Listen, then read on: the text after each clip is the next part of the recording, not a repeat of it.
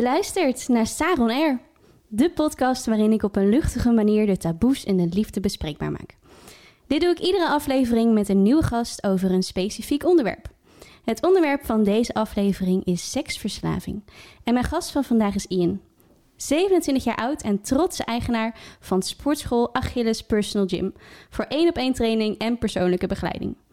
Hij is gespecialiseerd in gymnastics en alhoewel hij gezondheid heel hoog in het vaandel heeft staan, heeft hij zelf jaren een seksverslaving gehad. Welkom Ian. Ja, dankjewel.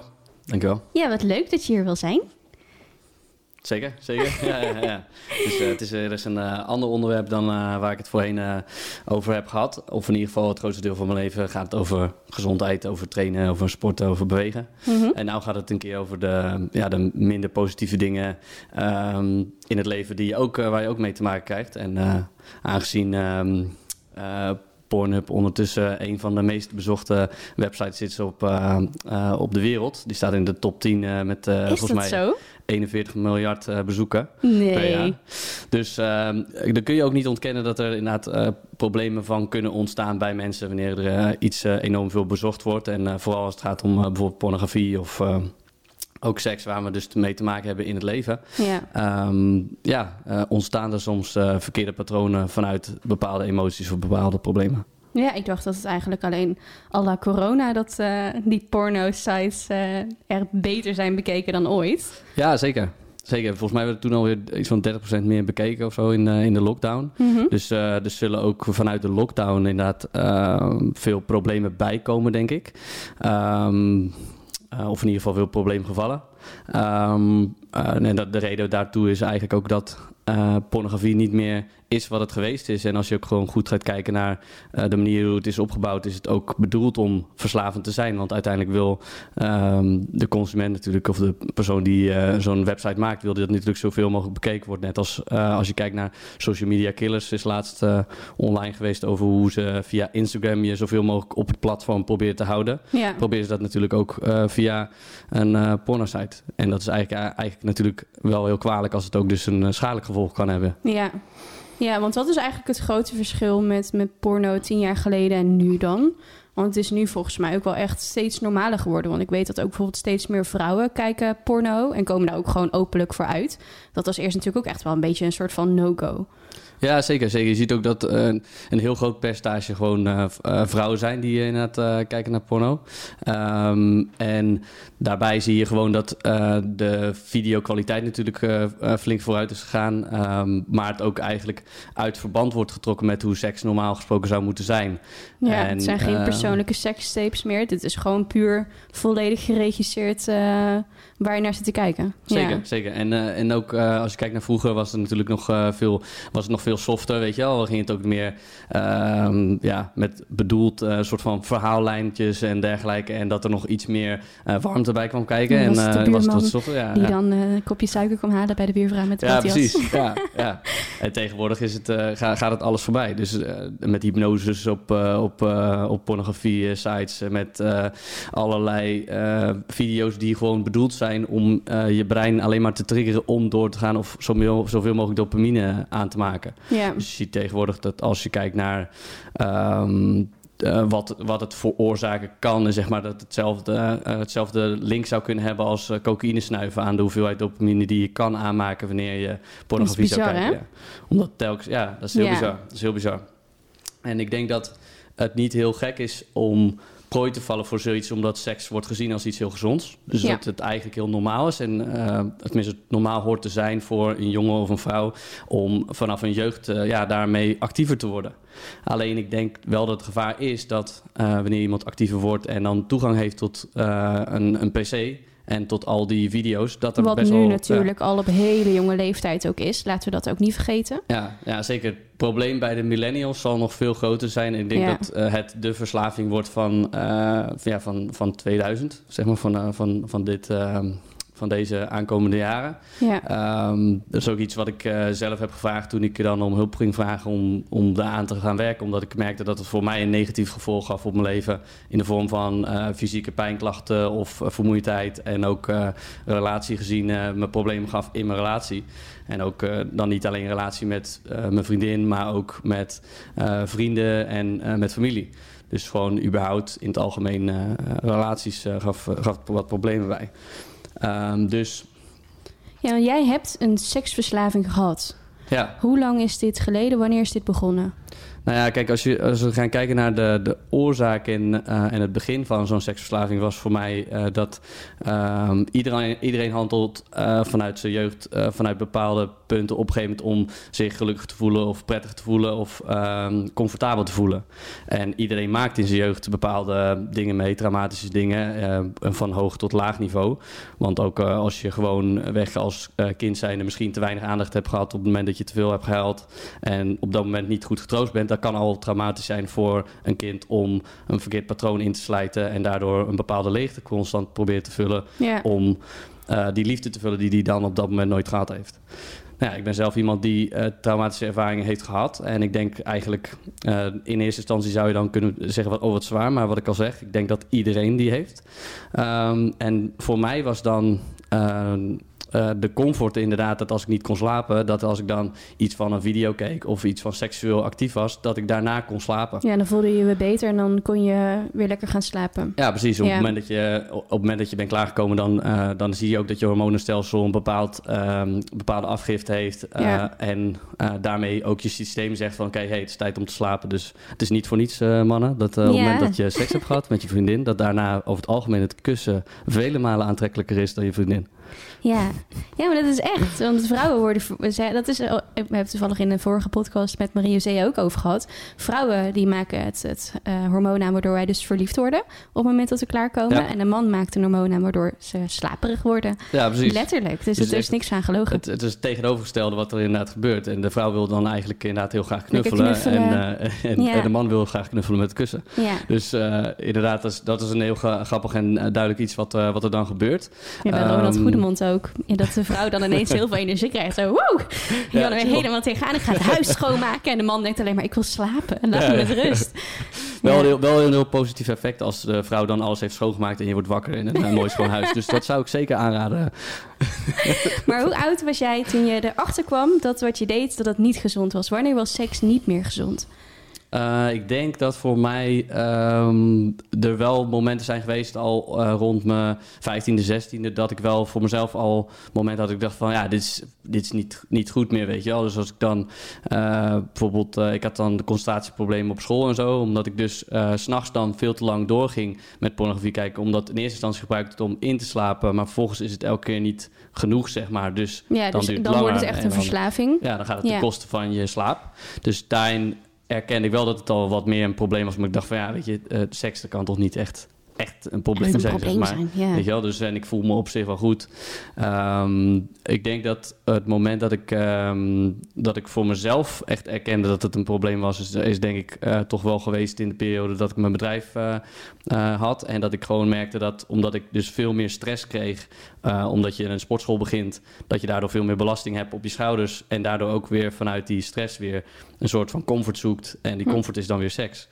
Ehm, Ja, dus het kwam dat- eigenlijk ja. allemaal terug bij seks. Alles, eh, dat is continu een soort van escape of zo voor je. Ja, het was vaak een soort van ontsnapping inderdaad. Ontsnapping Ja. aan de realiteit. En ook het eh, zoeken naar optimale, een optimaal geluksgevoel of een optimaal gevoel, zeg maar. Dus het- Maar dan ben je 16 en dan heb je echt continu die behoefte. Heb, heb je dan continu, dat is misschien ook een aanname, heb je Ja, dan valt- continu die behoefte? Dat valt dus heel erg mee. Dus in, in mijn ogen was het echt geen eh, continue behoefte, behoefte als in seks, maar wel eh, continue behoefte als in aandacht. Dus ik was altijd wel de persoon die graag eh, ja, weet je, toneel speelde, voor de klas stond en gewoon een vorm van ehm, aandacht eh, eh, nodig had, zeg maar, als persoon zijnde, om eh, een bepaalde vorm van leegte constant te vullen. Dus ik denk dat het eh, in dit geval, eh, als we praten over verslavingspatronen of eh, verkeerde patronen, is bijna altijd vanuit een bepaalde vorm van leegte die mensen hebben, die ze proberen te vullen met iets als in. Eigenlijk zoals iedere verslaving. Zeker. Een beetje. Ja. Ja. Iedere verslaving en iedere gewoonte. Want ik geloof ook dat het eerst een uh, gewoonte is die Ja. uiteindelijk uh, er zo in slijt dat je dus zo gewend bent om het op een gegeven moment automatisch, uh, ja, automatisch daar naartoe te trekken wanneer je dus negatief voelt. Want je brein die zoekt altijd naar de weg om te overleven. En die zoekt niet naar de weg om zo gelukkig mogelijk te worden. Dat is, dat is iets wat je zelf moet doen. Ja, precies. Dus um, ik denk dat voor mij. Uh, er waren momenten waarbij ik het gewoon had. En dat was eerst sporadisch, zeg maar, op momenten dat het te lang duurde of te lang, dat ik er te lang mee bezig was.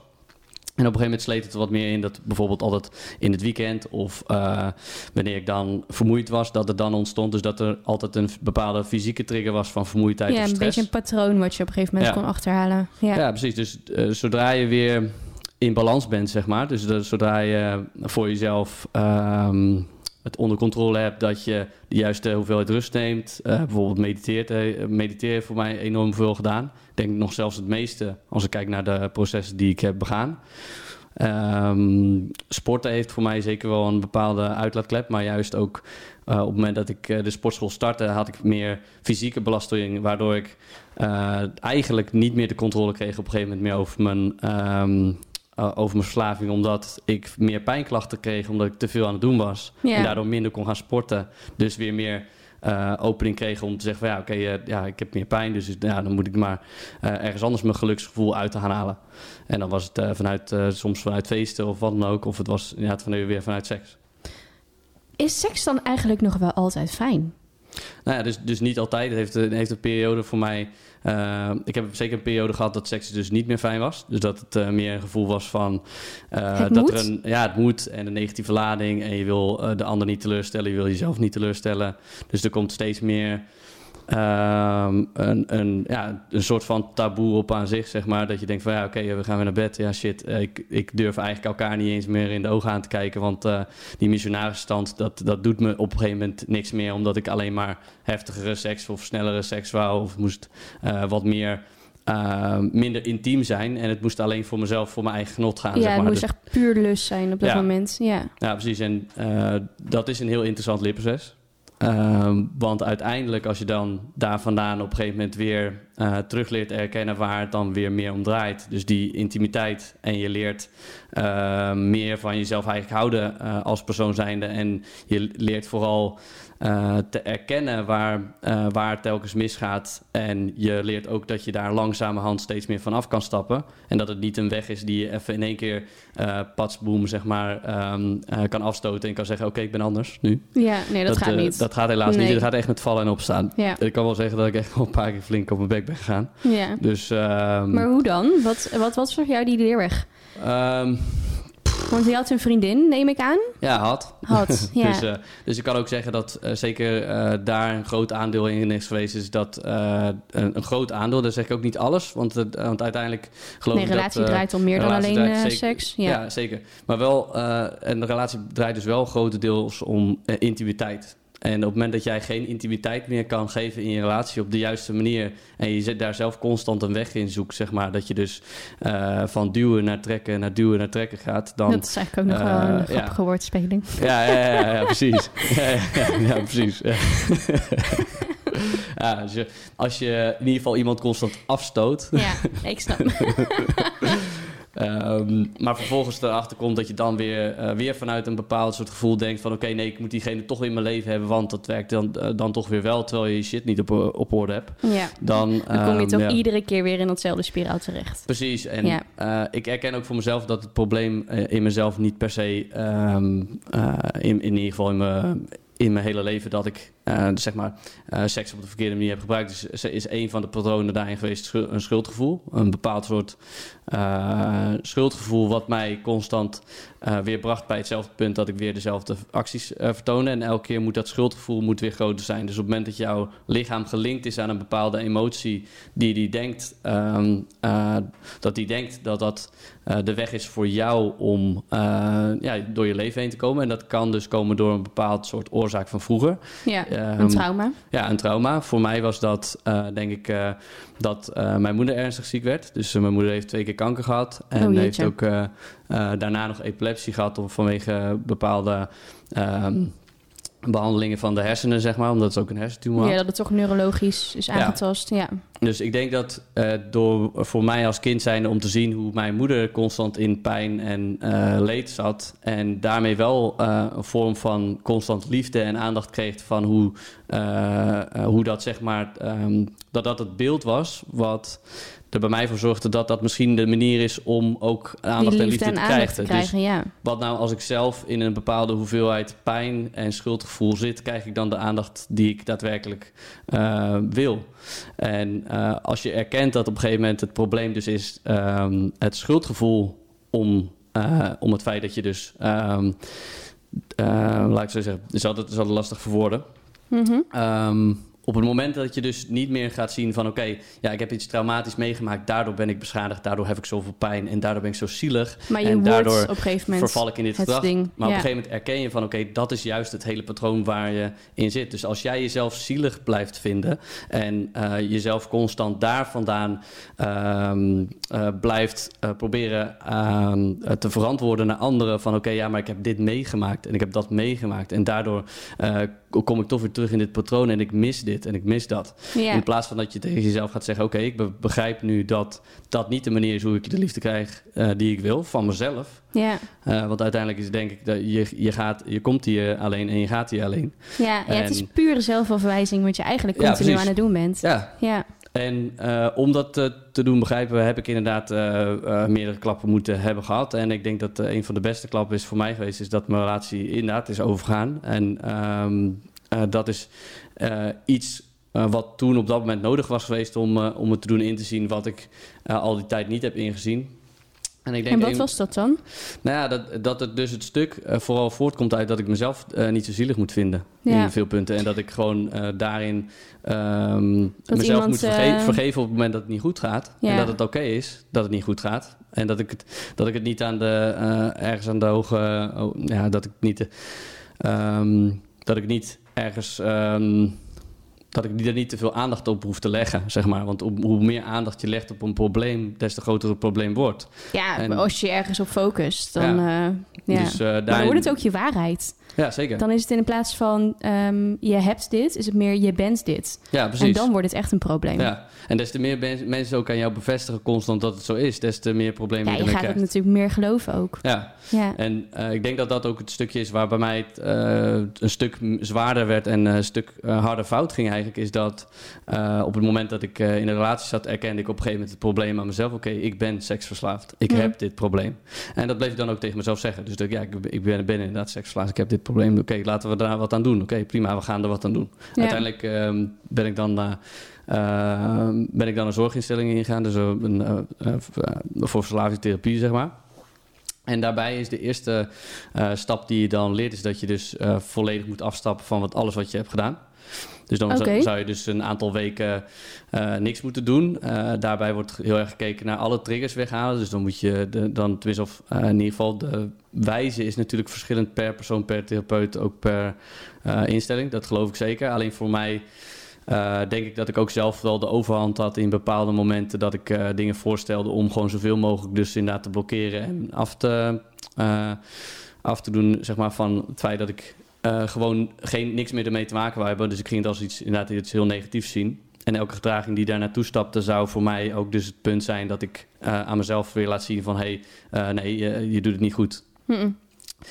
Mijn therapeut, in mijn ogen, uh, als ik kijk naar therapie, hoort je therapie hoort uh, vanuit een ander oogpunt naar jou te kijken. Zoals ik dat helaas heb moeten leren vanuit een klap uh, van, een, uit, van het uit elkaar gaan van een relatie. Ik denk Ja. dat die klap uh, voor mij nodig is geweest om naar mezelf te kunnen kijken. Maar ik denk dat de klap wel voorkomen had kunnen worden als de therapie ook in bepaalde mate uh, anders was geweest, zeg maar. Dus als, ik, als je eerder naar jezelf kunt leren kijken vanuit zo'n perspectief... Um, dan kun je dus bepaalde patronen meer leren herkennen en ook daar afstand van nemen. Ja, want je kan er nu heel makkelijk over praten. Je weet het allemaal van jezelf. Um, dat is best wel knap eigenlijk, want er zijn denk heel veel mensen die heel vaak nog een soort van in dat probleem blijven hangen.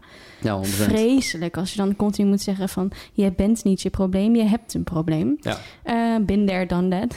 Ja, ja. ja, het is gewoon heel lastig om daar uh, uit te stappen. En je zegt... En je therapie heeft daar niet echt in geholpen. Nee, ik denk dat eh, therapie me ergens juist... eh, Nog eh, dieper naar- de naar afgrond een in diepere heeft afgrond geduwd. heeft gebracht in eerste Ja. instantie. Dus een harde valpartij heeft bezorgd.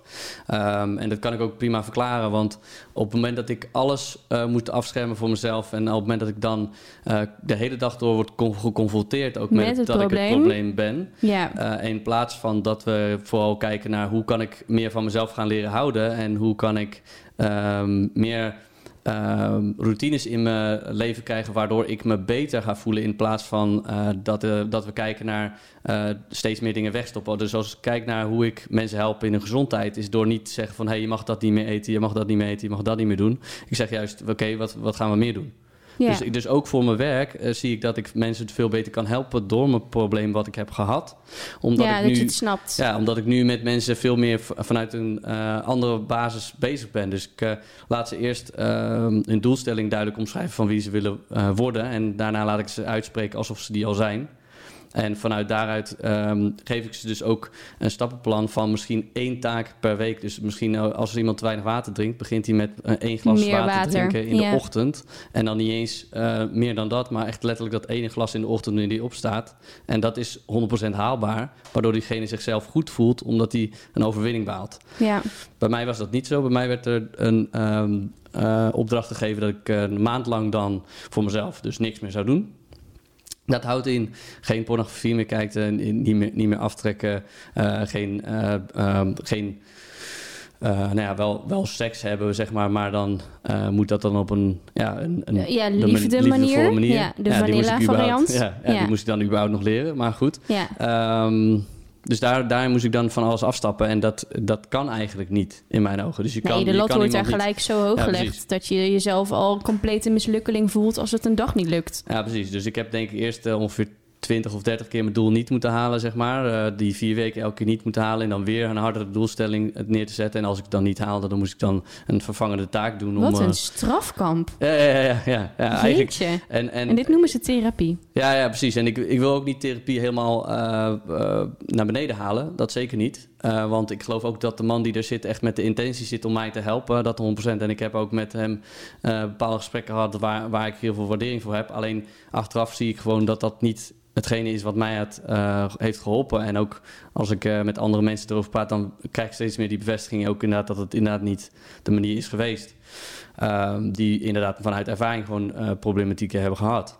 Dus een van de dingen die ik dan heb gedaan als op het moment dat het misging, is dat we dan vaker in gesprek gingen. Dus dan gaan we nog, eh, wat moet ik vaker naar Amsterdam toe, moet ik vaker naar, naar dezelfde persoon toe. Dat is prima. Eh, als ik dacht, ik, ik ben heel praktisch ingesteld, dus op het moment dat ik wil, iets wil bereiken, dan heb ik er alles voor om, over om dat te bereiken. Maar juist omdat ik alles erover voor over heb, eh, loop ik ook elke keer weer tegen de lamp aan dat ik dus mezelf voorbij loop. Ja. Dus dan, met je, je kracht is ook je valkuil. Zeker, En- absoluut. Ja, dus ik wil altijd alles geven. En daardoor, eh, doordat ik constant alles geef, eh, krijg ik ook dat ik eh, te veel stress op mezelf leg, waardoor ik er elke keer weer uitklapte. Ja. Dus het gaat bij mij juist om de therapeut. zou, zou zeker behulpzaam kunnen zijn als die dus eerder een remming op mezelf legt en me laat zien dat ik me niet schuldig hoef te voelen op het moment dat er zoiets gebeurt. En me meer leert ehm, hoe ik meer zelfwaardering moet krijgen. Zeg maar. Dus die kant zou ik zeker meer supporten. Ja, maar dat is Ehm, meer ja. richting coaching dan richting therapie. Dat is altijd een beetje de grote verschil tussen therapie en coaching. Dus Ja. coaching wordt gewoon letterlijk gezegd... nee, hè, dit is de situatie nu, nu, waar wil je naartoe?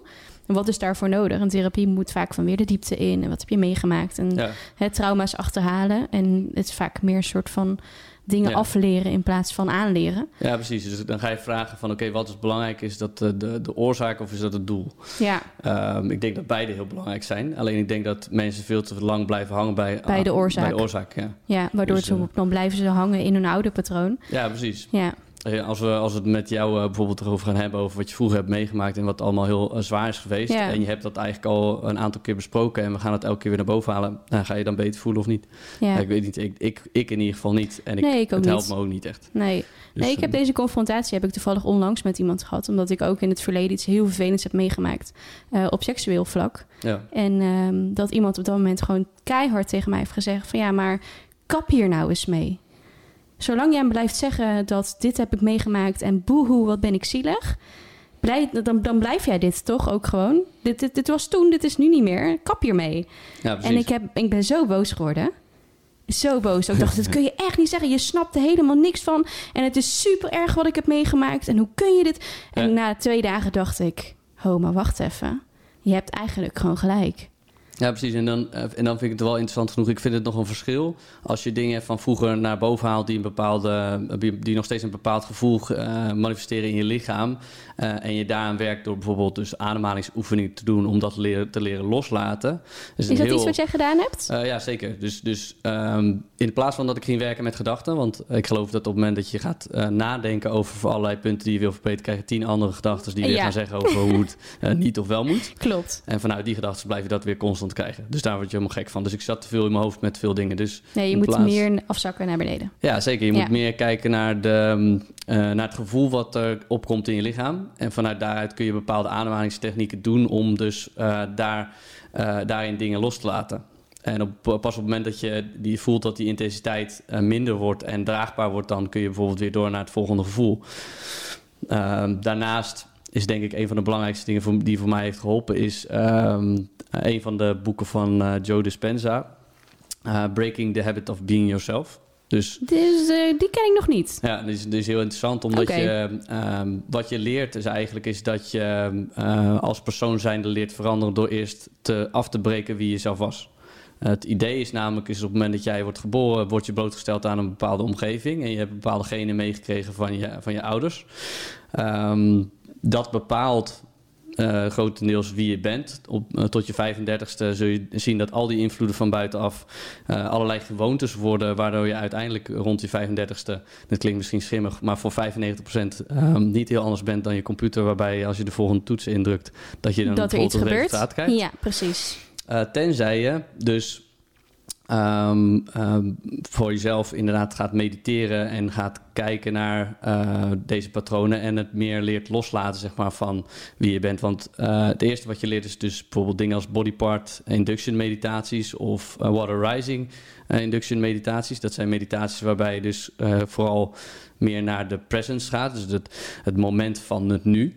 Eh, daar heb je dan ook weer van Edgar Tolle, je bijvoorbeeld ook een boek Power of Now, dus dat ehm, in het nu leven je heel veel kan geven als in eh, dat het een bepaalde rust geeft, want je bent een soort van in het niets. Dus waar Ja. beter een nieuwe realiteit vanuit te creëren dan vanuit het niets. Ja, van, eh, ik zeg ook altijd, een leven in het verleden of in de toekomst geeft stress. Ja, precies. En Ja. het is niet erg om te streven, in mijn ogen, naar doelstellingen. Want daar is, dat vind ik dan weer een beetje fout in het geheel van... oké, ehm, van sommige mensen die zeggen... ja, ik moet alleen maar in het, le- in het nu leven... en eh, alles is in het nu en ik hoef niet te denken aan later. Maar je Ja. wil juist wel denken aan later. Alleen Tuurlijk. denk dan aan de hogere, hogere zelfversie... en niet aan de lagere zelfversie. En leer dat op een constructieve wijze zo voor jezelf te krijgen... dat je niet alleen in je hoofd eh, duidelijk hebt wat je wil... maar dat je het ook in je lichaam voelt. Ja, En die connectie leggen tussen je brein en je lichaam, dat is een van de eh, mooiste dingen. Die, eh, Allermoeilijkste en- dingen en de ook. moeilijkste dingen, Ja. zeker. Dus eh, op het moment dat je de geloof en overtuiging hebt, dat is één ding. Maar op het moment dat je eh, dat lichamelijk inderdaad voelt, dan kun je dingen tot waarheid maken. Dat geloof ik echt eh 100%. Ehm, en dat is iets waar je in eh, zult gaan geloven wanneer je eraan gaat werken. Dus er zijn altijd wel dingen geweest in mensen hun leven. Dat ze inderdaad iets hebben bereikt wat ze eigenlijk al, al ergens in hun hoofd hadden zitten. Dat het ongeveer zo zou manifesteren. Dus voor mij, ja law of attraction, maar dan... ja, Ja, ja alleen dan niet zo zweverig. precies. Ja, Ja, weet je, en, eh, uiteindelijk is het eh, zo dat ook die dingen, geloof ik, eh, je, kun, je kunt het op een wetenschappelijke manier bekijken of je kunt het op de spirituele manier bekijken.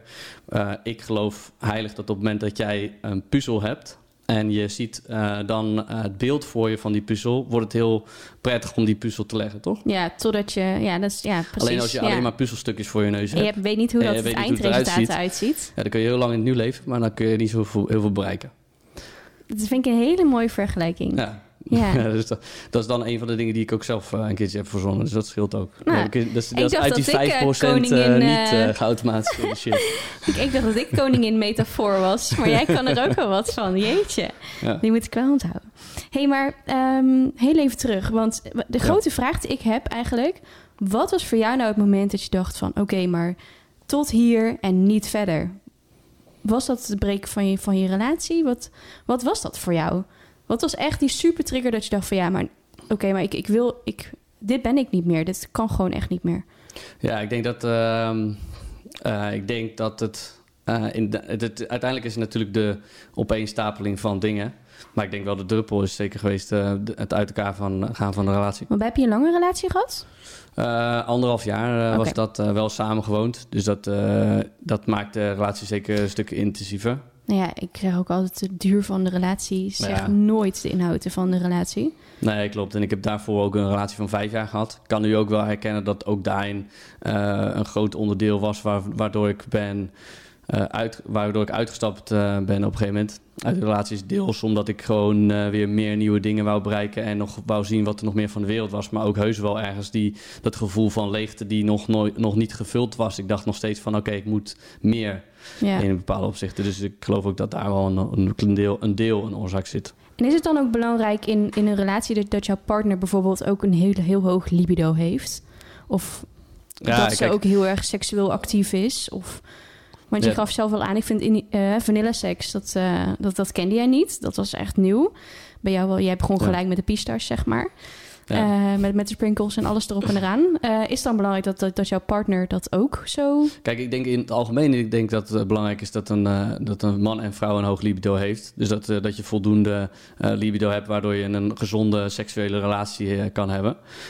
Ik denk dat voor mij het eigenlijk geen verschil had gemaakt of het wat minder was of wat meer was. Wel, wel als in de duur van de relatie zou wel korter zijn omdat ik waarschijnlijk dan nog sneller onverzadigd was en er niet voldoende uithaalde.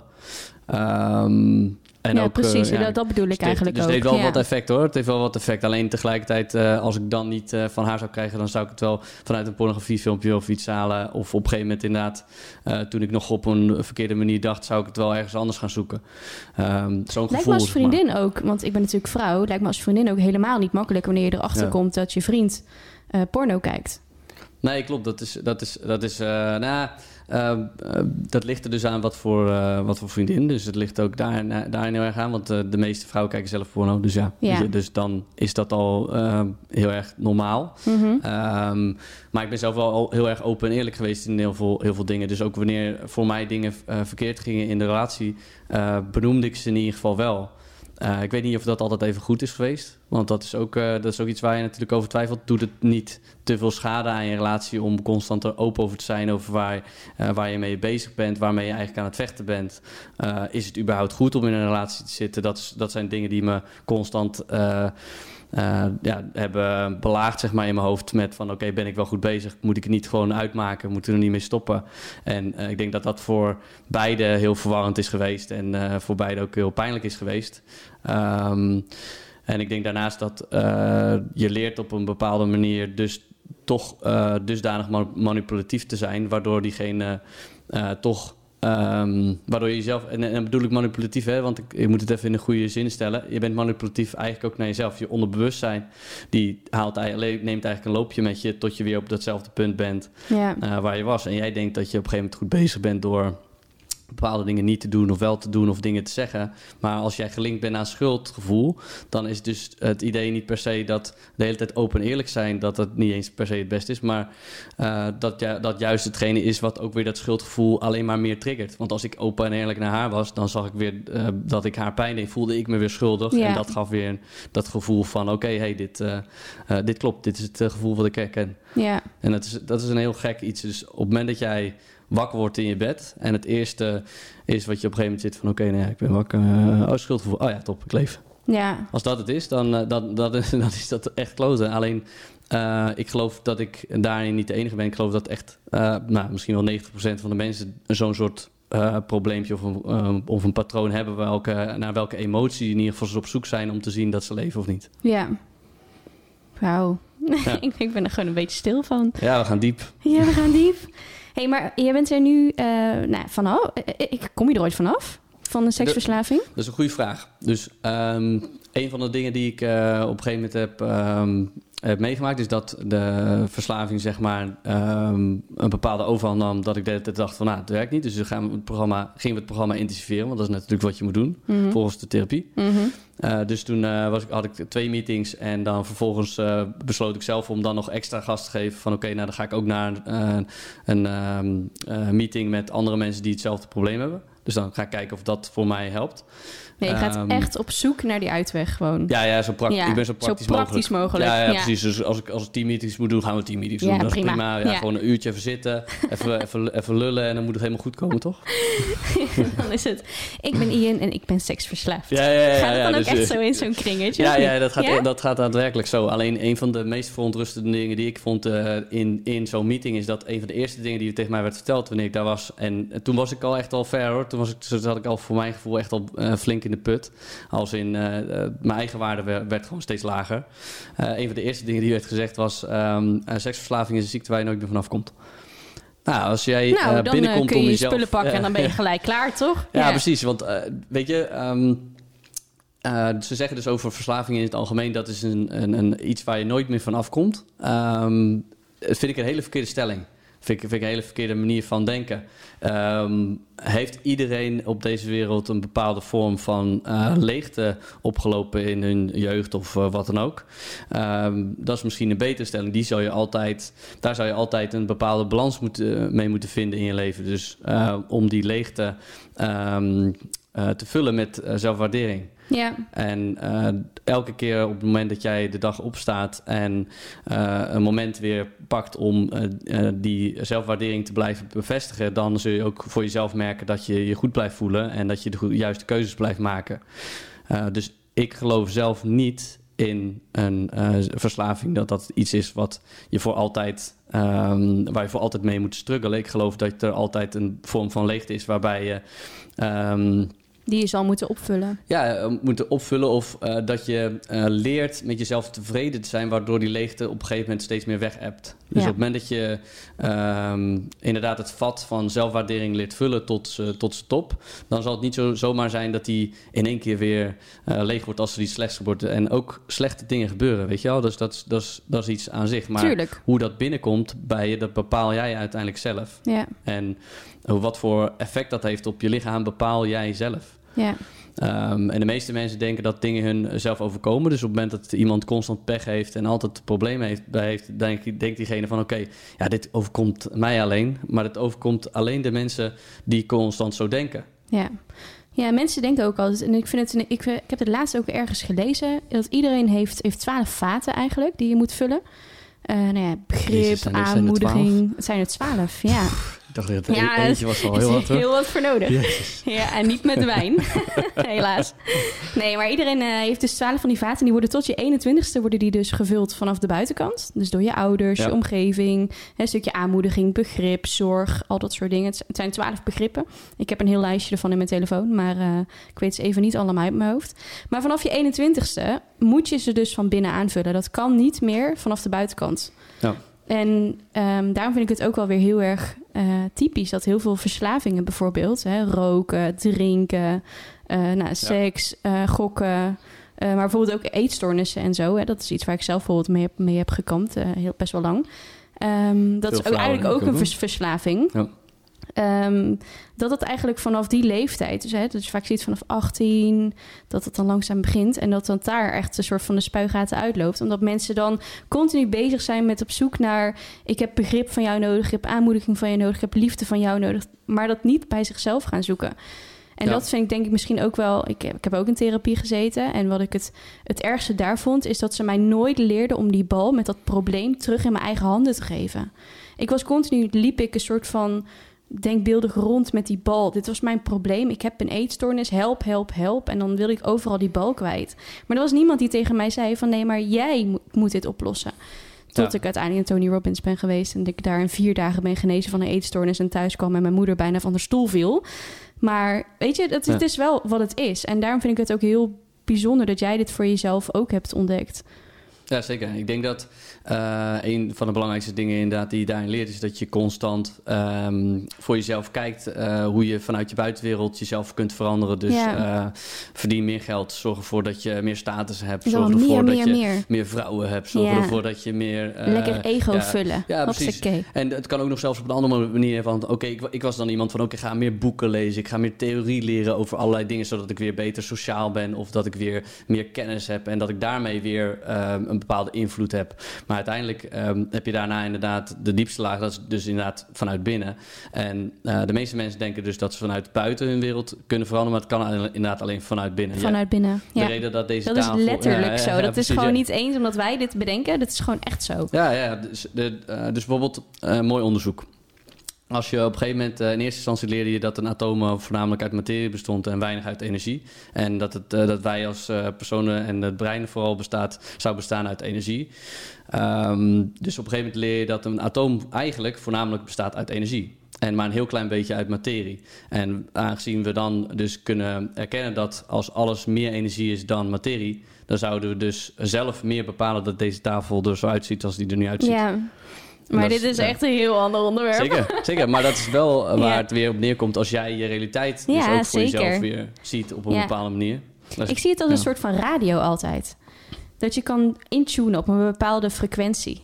Ah, ja, ja, nice. En dat je soms gewoon even moet uittunen. En je dan even dingen van de andere kant kan gaan bekijken. En dat je dan eens ziet van, oh, maar wacht even, dit is helemaal niet zoals het is. Ja, zeker. zeker. En ik denk dat die dingen uh, allemaal, die, uh, die punten, zeg maar, zouden veel meer terug moeten komen in de uh, reguliere therapie. Dus ja. inderdaad, geloof en overtuiging in jezelf. de kracht van verlangen ook zeker te benoemen van bijvoorbeeld zo'n boek als Think and Grow Rich. Die vertelt ja. dat wat meer over van oké, okay, je dient een bepaalde soort kracht van verlangen te krijgen over hoe je jezelf wil zien. Dus iemand die overgewicht heeft. Op het moment dat hij zichzelf ziet als in van... Hey, ik wil die slanke persoon zijn. En hoe zou ik me daarbij precies voelen? Welke emoties zou dan bij mij opkomen? En op het moment dat diegene dat dan voelt... dan voelt het lichaam het verschil niet meer tussen die, dat moment en dat hij er nu is. Nee, klopt, dus, ja. Dan wordt het ineens veel makkelijker om die... Uh, punten inderdaad daadwerkelijk te behalen. Dus voor mij is denk ik dat nog steeds ook uh, een van de belangrijkste strevens die ervoor zorgt dat ik in balans blijf en dat ik uh, op deze manier dus uh, andere mensen en mezelf heel goed kan helpen. En vooral ja. um, de afgelopen tijd heb, ben ik wat meer, uh, heb ik wat meer geleerd om meer egoïstisch te zijn. Dat, daar heeft mijn business coach me dan ook weer mee geholpen. Die zegt dat dan tegen me om uh, meer egoïstisch te leren zijn over bepaalde dingen. Want ik kan me altijd heel erg druk maken om andere mensen hun problemen en dat ook heel erg op me nemen. Dus die energie voel ik dan ook heel duidelijk van iemand als iemand binnenkomt met een zwaar probleem. En ik, uh, uh, en ik heb bijvoorbeeld een vriend van me heb ik in huis genomen omdat hij uh, uit huis is getrapt. En dan voel ik gewoon constant die druk op mijn Ja. schouders ook komen dat ik hem heel graag wil helpen met van alles. Uh, maar dat Wat natuurlijk iets dat heel ik- moois ja. is, maar Het ja. is heel mooi, alleen je hebt er eigenlijk ehm, niet zoveel invloed, invloed op op de manier dat als jij je kut voelt of zwaar, zwaar erover voelt dat iemand anders zich kut voelt, dat daar heb je niet zoveel invloed op. Op het moment dat jij je goed blijft voelen en blijft handelen vanuit je kracht, zeg maar, vanuit wat jij zelf graag wil bereiken en ook je grens daarin aangeeft, zal diegene daar niet per se ehm, slechter van worden. Hetzelfde als als iemand mij constant eh, alleen maar de aandacht gaf van hey, het komt wel goed, eh, weet je wel, en constant op die manier die aandacht geeft, dan blijf ik voor mezelf ook bevestigen dat schuldgevoel ehm, goed is, want ik krijg dan de aandacht die ik wil. Dus dat wil je inderdaad niet in stand houden op die manier. Het is niet erg om empathie te tonen, want dat is, dat is heel belangrijk. Ehm, Zeker. dus dat wil je 100% doen. Ja. Alleen ik heb, eh, ik heb soms meer de ehm, eh, klap van mezelf even nodig van... hey, kom op jongen, want je doet het eigenlijk hartstikke goed. En een schuldgevoel is iets wat je niet helpt, dat weet je. Dus eh, laat het lekker los en ga weer door met eh, waarmee je bezig was. Want het gaat hartstikke goed en eh, leer daar alleen maar van. Ja, het gaat hartstikke goed. Hoe gaat, want hoe gaat het nu met je? Ja, het gaat hartstikke goed. gaat Dus, hartstikke ja, goed. het gaat echt hartstikke goed. En dat is niet eens om mezelf te eh, proberen te overtuigen. Want ik zie gewoon in dat ik eh, in het afgelopen half jaar heb ik eh, geen terugval meer gehad op de manier zoals die eh voorheen heb gehad. Wauw. Ehm, dus dat is super. Ja. En ehm, eh, mijn training gaat beter dan, eh, dan ooit. Dus ik heb daar ook een bepaalde balans in gevonden, waardoor ik niet terugklap in eh, bepaalde pijnklachten. Ehm, door steeds minder te gaan doen en steeds intensiever te gaan trainen. Dus ehm, voor mezelf ehm, heb ik steeds meer gewoontes zeg maar, in mijn leven ge- gecreëerd waardoor ik me goed over voel. En dat heb ik gedaan op een hele constructieve manier. Dus eh, voor mezelf is een van de mooiste regels is door een twee minuten regel of een hele, eh, hele kleine doelstelling te maken. Ik wil bijvoorbeeld meer boeken lezen. Mhm. Ehm, nou ja, als ik eh, meer boeken wil lezen, hoe begin ik dan? Begin ik met één of twee bladzijden per dag. En that's it. Ja. En dan de volgende week lees ik die derde pagina. En dan vanuit daaruit ga ik steeds één stapje verder. Maar dan pak ik dat op die manier Ja, dus ook niet aan een met heel mijn werk. boek ineens, maar gewoon Ja. kleine stapjes. Ja, en voor mijn werk is dat helemaal het punt. Dus ik lees die boeken omdat ik dan een bepaalde ehm, cursus zeg maar, eh, kan maken nu voor mensen hoe zij leren om totaal, een totale verandering te ondergaan als persoon zijnde.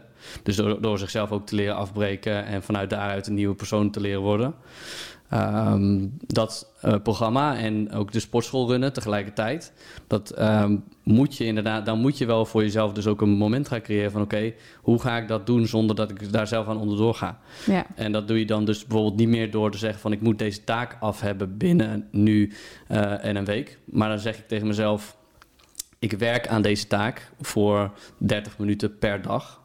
En uh, wanneer die 30 minuten om zijn, dan is het klaar. Ja, dan, dan stop ervoor, ik ook echt mee. Precies, dan zorg ervoor dat ik mijn telefoon op vliegtuigstand heb. Dan zorg ik dat ik ni met niks anders bezig ben dan met gewoon die taak. focus. En dan is dat de overwinning aan zich. Ja. En wat ik dan af heb, dan zie ik ook, ook, ook gewoon aan mezelf... op het moment dat ik dat doe, dan uh, krijg ik en veel meer werk af... en tegelijkertijd uh, voel, ik me dus veel elke beter. keer goed dat ik Ja. het heb gedaan. Ja. En dan zie ik elke keer weer wat ik weer voor nieuws af heb. En zo, um, zo creëer je denk ik het grootste balans zeg maar, in, je, in je leven. En daardoor uh, zul je minder snel terugvallen in verkeerde patronen. Ja. ja, we hadden het er straks in het begin al heel eventjes over. Um, over zeg maar de millennials hè, nu. Met Ja. hun internet en alles. En uh, nou, ik heb twee gastoude kindjes. En die zijn allebei lekker in die puberleeftijd. Dus eentje van 14, eentje van, van 11. Um, en ik merk ook bij hun dat zij, zij kunnen natuurlijk alles aan. Hè? Uh, YouTube, uh, Google. Ze kunnen eigenlijk alles opzoeken. En vinden dat Ja. reuze interessant. Wat is nou vanuit jou een, een, eigenlijk een, een tip of een, um, iets wat je wil meegeven aan, aan de kids van nu rondom pornografie en, uh, en Niet, seks? niet kijken. Niet kijken. Nee, nou ja, kijk. Pornhub um, is not going to love you. uh, nee, nee, nee. Ik zou, ik zou eerlijk gezegd... Um, kijk, um, voor mijzelf is, is, is, het, is het wel een punt dat ik gewoon steeds tegen mezelf zeg... ik hoef het helemaal niet meer in mijn leven. Kijk je helemaal geen porno meer? Uh, dus uh, daarin kan ik zeggen dat dat misschien soms nog... Uh, wat zal het zijn? 10 minuten zijn per maand of zo? Kwartier, okay. kwartier per maand, zoiets. Dat is gewoon in één de keertje. afgelopen vijf, zes maanden. ja. Dus dat, dat valt er mee. En als het dus fout gaat, zoals ik zeg, als het dus een soort van lichte terugval of iets hebt dat het wat minder lek gaat, dan zal het iets langer zijn, maar, maar niet meer langer dan dat. Um, maar daarin zie je gewoon, ik, ik denk oprecht, um, het, het, wat baat het, baat het niet, schaadt het niet. Weet je? Dat, is, dat is dan de uitspraak die ze wel bij veel dingen hebben. Maar het, het lastige is gewoon is dat het nu gewoon meer gemaakt is om inderdaad uh, in op te gaan en het uh, op een verkeerde manier te gebruiken. Dus ik denk misschien de belangrijkste um, redenering is waarom wil je een pornografiefilmpje kijken? Mhm. Mm -hmm. En stel jezelf die vraag iedere keer voor dat je dat gaat kijken. Doe je het vanuit de gemoedstoestand dat je je supergoed voelt en dat je dat gewoon daarnaast een keertje wil kijken en ja. leuk vindt? Nieuwsgierig of bent. Doe je dat inderdaad omdat je moe bent? Of doe je dat omdat je een zware dag hebt gehad? Of doe je dat omdat je uh, bent afgewezen? Of doe je dat op een andere manier? Ja, vanuit in ieder geval om je beter verdriet? te voelen. Ja, precies. Dus je wil uiteindelijk eigenlijk niet handelen vanuit die manier. Um, maar hoe herken je dat? En uh, ik denk dat voor iedereen, iedereen gaat uiteindelijk daarmee um, te maken krijgen. Alleen ik zou zelf er uh, echt wel een langere tijd afstand van houden tot je wat meer volwassen bent voordat je überhaupt pornografie kijkt. Ja. Want uh, de eerste keer dat mensen seks hebben, over het algemeen is zal het meestal 15 jaar. Of ben ik nou gewoon oud, ouderwet? nou, ik vind, 15 is ergens, ergens eigenlijk jong. Ja. Eigenlijk is het jong, maar laten we zeggen, laten we zeggen uh, seksueel actief worden, worden kinderen al vrij vroeg, zeg maar. Dus dat ze gewoon hormonen krijgen en dat soort dingen. Maar uh, echt seks hebben, dat uh, zal inderdaad tussen de... 15, nou, 16 denk ik nog tussen steeds, 15 16 ik. zijn. En uh, sommige heb je wel van 14 en sommige ja. heb je juist van 18, 20. Maar ik zou, ja. ik zou er oprecht inderdaad... Um, uh, heel erg goed naar kijken dat, uh, dat over het algemeen uh, tot 16 tot 18 jaar zou ik, die, zou, ik het niet eens, zou ik niet eens kijken. Maar ga het maar eens een keer ook halen uit je eigen fantasieën. Dus je mag ook best wel zelf vanuit je eigen gedachtegang gewoon iets inbeelden. Zoals dat toen bij, met de Oosterse stijl van seksuele kung fu, zeg maar. Dus yeah. op een gegeven moment ga je ook als persoon zijn, ga je dus andere manieren zoeken om een fijne manier te vinden in seks. En dat is dan een boek dat, gaat, dat gaat over seks, Mantak Chiak. Dus dat gaat meer om hoe je energie meer, seksuele energie meer in je lichaam houdt. Want elke keer als jij klaarkomt, verlies je eigenlijk seksuele energie, waardoor je ook echt wel uh, minder concentratie, minder drive krijgt, waardoor je makkelijker in hetzelfde patroon terugvalt. Ja. Dus Ik zou niet zeggen dat helemaal niet klaarkomen dat dat weer gezond is. Dat is echt nog wel iets discutabels. Dus je hebt mensen die een jaar lang al niet meer klaarkomen en op die manier vanuit uh, tantra uh, daarin een gedachtegang hebben dat dat goed voor ze is. Maar Um, er zijn ook onderzoeken die laten zien dat er een bepaalde lozing gewoon nodig is, één keer in de zoveel tijd. Ja, maar wel één keer in de zoveel tijd en niet te vaak. Nee, precies, niet te vaak. Op het moment dat je dus, uh, ja, ik denk dat iedere puber, iedere jongen op een gegeven moment bijna iedere dag wel een keertje uh, wat doet en uh, dan ook klaarkomt. En ik denk dat het hem uiteindelijk meer stress geeft dan dat het hem aan de energie en een gezond geluk oplevert. Terwijl um, heel veel mensen denken van ja. hè, dat is goed voor de concentratie en uh, ja. even een keertje afrukken in ja. de wc en dan kan ik weer door. En, en, maar eigenlijk is het, werkt het totaal averechts. Ja, zeker. En ik denk dat het komt omdat uh, de meeste jongeren niet voldoende bewegen. Dus dat dat daar heel erg naartoe te herleiden is. Dat, ze daardoor, uh, dat daardoor te veel stress op het lichaam komt. Omdat uh, beweging zorgt voor ontspanning in het lichaam. Voor mij heeft beweging denk de grootste, uh, grootste punten voor mezelf meegegeven... om door mijn situatie heen te komen met mijn moeder. Dat ik gewoon heel veel sporten gaf mij heel veel voldoening en ehm, heel veel ontlading. Om daardoor heen te komen. Ja. En uh, ik denk dat we, wij als uh, mensen ook veel te weinig tijd besteden daaraan, waardoor mensen juist slechtere, consulta slechtere consultatie krijgen, minder goed presteren op school. En vervolgens uh, ook in dat soort patronen, dus meer in gamen en in seksvervaring yeah. zo uh, vervallen. Yeah. En we laten het ook gewoon toe dat een kind van vier tot zes jaar gewoon met een, met een iPad beter overweg kan dan dat, dat ik zelf kan. Ja, dat is bizar, um, hè? Ja, dat is heel bizar. Dat, dat kan echt niet. Want waarvoor Kijk, ik snap dat het makkelijk is als ouder zijnde. En dat kan ik nu zeggen, want ik heb nog geen kinderen, weet je wel. Maar uh, ik hoop dat ik ja, dit echt anders ga doen. Zo, ja. Ik snap dat een krijzend kind heel vervelend is. Ja. En ik snap ook dat het heel lastig is, kan zijn als je het heel druk hebt... om aandacht te besteden aan je kinderen op het moment dat die uh, heel erg druk zijn... en als ze dingen willen doen. Vooral in de lockdown is dit een heel erg zwaar probleem geweest... omdat ze dan in één keer alles tegelijk moeten doen. Dus dan is het veel makkelijker om te zeggen van... ja, ga maar even achter de televisie zitten of uh, ga maar even, even gamen. Ja. Maar beperk dat, weet je maak er echt een restrictie op. Zorg ervoor dat het niet uh, een, een ding wordt wat ze gewoon standaard kunnen doen. Zorg ja. dat ze naar buiten gaan, zodat, zorg dat ze gaan spelen en bewegen. Want dat is waar je nu tegenaan gaat lopen. Is dat alle uh, kinderen gaan, een, gaan, gaan inderdaad een gameverslaving in of seksverslaving. Uh, vanuit die... Ja, want die beweging wordt nog minder. Zeker, en ja. ze zien ook dat uh, obesitas is meer te linken aan uh, inactiviteit, aan, uh, aan vooral veel achter de buis zitten dan aan slecht eten. Ja.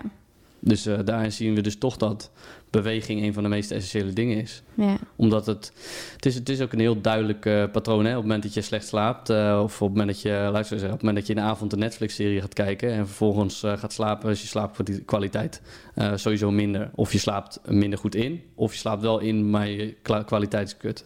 Ja. Dan vervolgens word je moe wakker. En vaak heb je dan weer geen tijd om naar je werk te gaan, dus moet je haasten. Vervolgens zit je in het patroon van haasten en loop je overal constant tegenaan dat alles minder lekker gaat. En zo Mhm. ontstaat heel makkelijk een patroon van schuldgevoel of iets. Ja. Want dan, En ja, dan kom je thuis en dan ben je kapot en denk je, nou, ik ga even Netflix kijken. ja, ik ga op de bank zitten en ga Ja. even Netflix kijken. Ja, en dat Dus dat blijft dan zich dan herhalen. Zeker.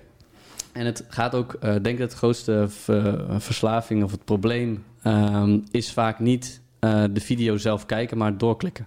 Dus dat leer je ook dus met social media killers. En dat zie je dus ook met En. Netflix. En Ik met kreeg, Netflix. gisteren kreeg ik ook nog zo'n ding. Bent u Ja. nog steeds aan het kijken? En ik dacht, ja, Netflix, je hoeft me niet zo te Ja. confronteren hiermee.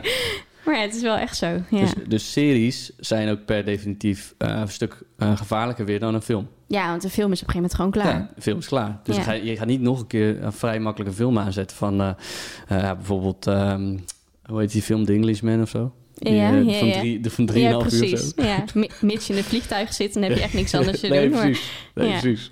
Dus ehm, ik, zou, ik hoop dat er een eh, ontwikkeling komt waarbij mensen meer eh, dingen gaan doen als mindfulness en meditatie en gaan ademhalen. En die beweging is er. Want er zijn steeds meer eh, eh, scho- ehm, ja, scholen die daar aandacht aan besteden.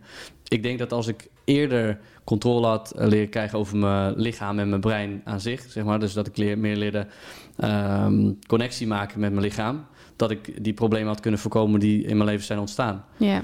En ehm, ik kan ook zeggen dat het ook voor mij een doel is geworden om mensen daar bewuster van te maken en daarin mensen te gaan helpen eh, in mijn eh, leven. Dus, ja, want eh, dat doe je nu. Want nu is eigenlijk beweging nog steeds heel veel belangrijk voor je en mensen helpen. ja, 100%. En ik denk ook wel zeker dat wanneer je zelf eh, nou, dit allemaal hebt meegemaakt, dat je anderen ook beter kan helpen. Omdat je gewoon letterlijk weet wat ze hebben meegemaakt en het Ja. anders kan doen. Ja, zeker. Zeker. En, en, en ehm, eh, er- ervaringsdeskundige, niet, eh, Ja. niet gewild. niet op die Ja, manier. Ik, ik had het niet, li- liever niet gehad, eerlijk gezegd. Ehm, maar ik geloof wel uh, altijd dat... ehm, op het moment dat er slechte ervaring is, moet je jezelf ook tegen jezelf zeggen dat dit misschien eh, dan voor nu ook de beste ervaring moet worden. Als Ja. in, je gaat er nu dan vanaf hier ook wel het beste van maken. Wauw. Dus eh, ja. Dankjewel, Ian. Ik denk dat we hier nog uren over kunnen praten. Maar Zeker. dat doen we gewoon even buiten de uitzending. ja, top. In ieder geval super bedankt dat je hier wilde zijn. Ik heb heel veel hierover geleerd. En ik hoop met mij heel veel mensen hier naar luisteren... die nu veel beter weten eh, wat het is. Want er rust nog wel een taboe op. Mensen praten hier niet over, maar doe het nou gewoon eens. Weet je wel, praat er met mensen over. En ehm, ik weet zeker dat als ze jou eh, tegenkomen... dat ze hier heel veel van kunnen leren. En dat ze op een andere manier naar zichzelf gaan kijken. En dat ze zichzelf niet gaan zien als de verslaving... maar dat ze gewoon een probleem hebben... en dat ze erachter moeten zien te komen voor zichzelf, hoe dat ze daaruit kunnen komen. Ja. Ehm, that's it, denk ik, voor deze aflevering. Dankjewel en eh, nou, bedankt voor het luisteren en tot de volgende.